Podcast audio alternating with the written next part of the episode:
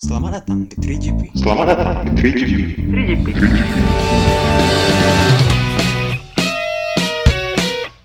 Hai, selamat datang di 3GP. Apa kabar sobat pendengar? Semoga sobat pendengar pada baik-baik aja ya. Kondisi kekurangan sel darah merah di dalam tubuh atau yang lebih dikenal dengan anemia bisa dialami oleh siapa saja, termasuk anak remaja. Namun, remaja putri dikatakan lebih berisiko untuk mengalami kondisi tersebut. Episode kali ini akan membahas tentang apa itu anemia dan siapa orang yang berisiko terkena anemia.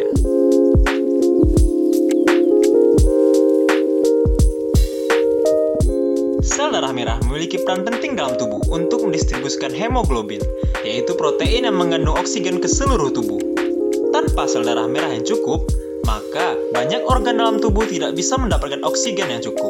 Akibatnya, organ-organ tersebut tidak bisa bekerja dengan baik. Anemia bisa menyebabkan tubuh menjadi lemas dan mudah lelah. Hal ini tentu saja akan mengganggu aktivitas remaja. Ada berbagai macam hal yang bisa menyebabkan jumlah sel darah merah menurun hingga di bawah kadar normal. Berdasarkan penyebabnya tersebut, anemia bisa dibagi menjadi beberapa jenis, yaitu yang pertama, anemia hemolitik autoimun. Anemia ini terjadi karena sistem kekebalan tubuh menghancurkan sel darah merahnya sendiri. Yang kedua, hemolitik yang diwariskan, meliputi penyakit sel sabit, thalassemia, dan spherocytosis herediter. Yang ketiga, anemia karena pendarahan. Anemia ini terjadi ketika mengalami pendarahan yang hebat karena cedera, menstruasi yang berat, saluran pencernaan, atau masalah medis lainnya. Yang keempat, produksi sel darah merah yang lama, seperti pada kasus aplastik anemia, yaitu ketika tubuh berhenti membuat sel darah merah akibat infeksi, penyakit, atau penyebab lainnya. Selanjutnya, anemia defisiensi besi. Ini adalah jenis anemia yang paling umum, yaitu ketika seseorang tidak mendapatkan cukup asupan zat besi dari makanan yang mereka konsumsi.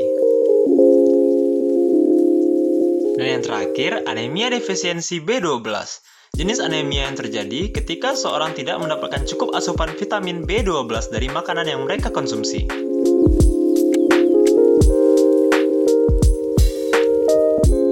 Anemia bisa terjadi pada semua kalangan, dan juga termasuk pada remaja. Namun, dibandingkan remaja putra, remaja putri beresiko lebih tinggi mengalami anemia. Salah satu alasannya karena remaja putri sudah mengalami menstruasi setiap bulannya.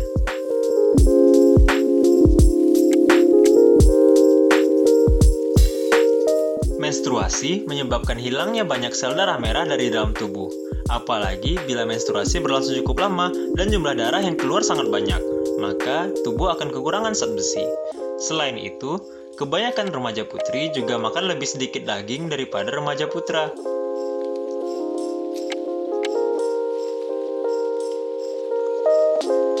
Berikut ini merupakan faktor-faktor yang dapat meningkatkan resiko remaja putri terkena anemia. Yang pertama, mengkonsumsi sedikit makanan yang mengandung zat besi seperti daging, telur, dan sereal. Yang kedua, memiliki aktivitas fisik yang cukup tinggi, seperti ya olahraga atau kamu sebagai anak basket atau ekstrakurikuler lainnya. Yang ketiga, menjalani diet vegetarian atau vegan. Ini nggak recommended banget bagi cewek-cewek ya, meskipun banyak yang melakukannya. Yang keempat, mengalami perdarahan menstruasi berlebih. Dan yang kelima, yaitu obesitas.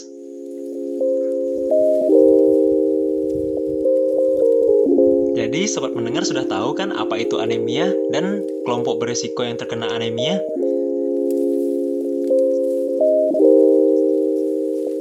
Tunggu materi tentang anemia lebih banyak lagi di episode-episode selanjutnya.